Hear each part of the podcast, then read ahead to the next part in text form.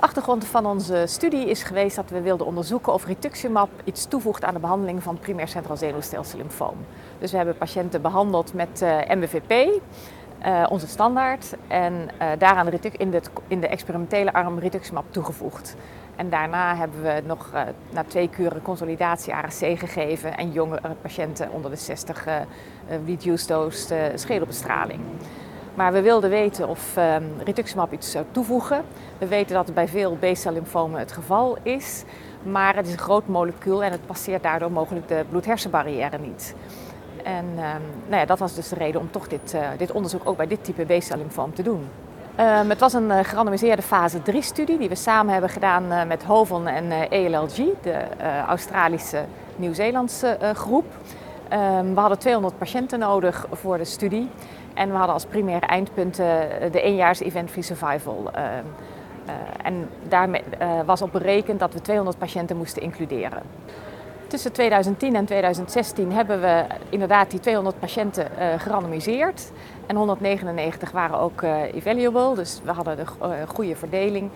bij de armen ja, 199 patiënten. De helft van de patiënten was ouder dan, dan 60. Dus ook dat was goed verdeeld en representatief voor wat je zo al in de dagelijkse praktijk ziet. De responsrates in beide armen waren gelijk en dat was wel een verrassing. En het primaire eindpunt, de eenjaarsvrije overleving, die is niet verschillend tussen de armen. Dus we hebben geen toegevoegde waarde van rituximab uh, in deze setting aangetoond. De vraag is natuurlijk hoe we nu, nu verder moeten gaan. vooralsnog denk ik dat er dus eigenlijk geen aanwijzingen zijn dat je rituximab aan de behandeling moet toevoegen.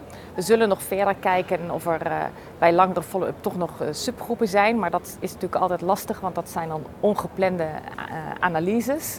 Dus daar zullen we op moeten wachten. Het is wel afwachten hoe men hierop gaat reageren. Want heel veel centra wereldwijd, en ik denk ook wel een aantal in Nederland, hebben eigenlijk al rituximab als in de standaard opgenomen. Dus we zullen nu moeten kijken hoe men met deze resultaten omgaan. Maar het is wel ja, het is een fase 3 studie.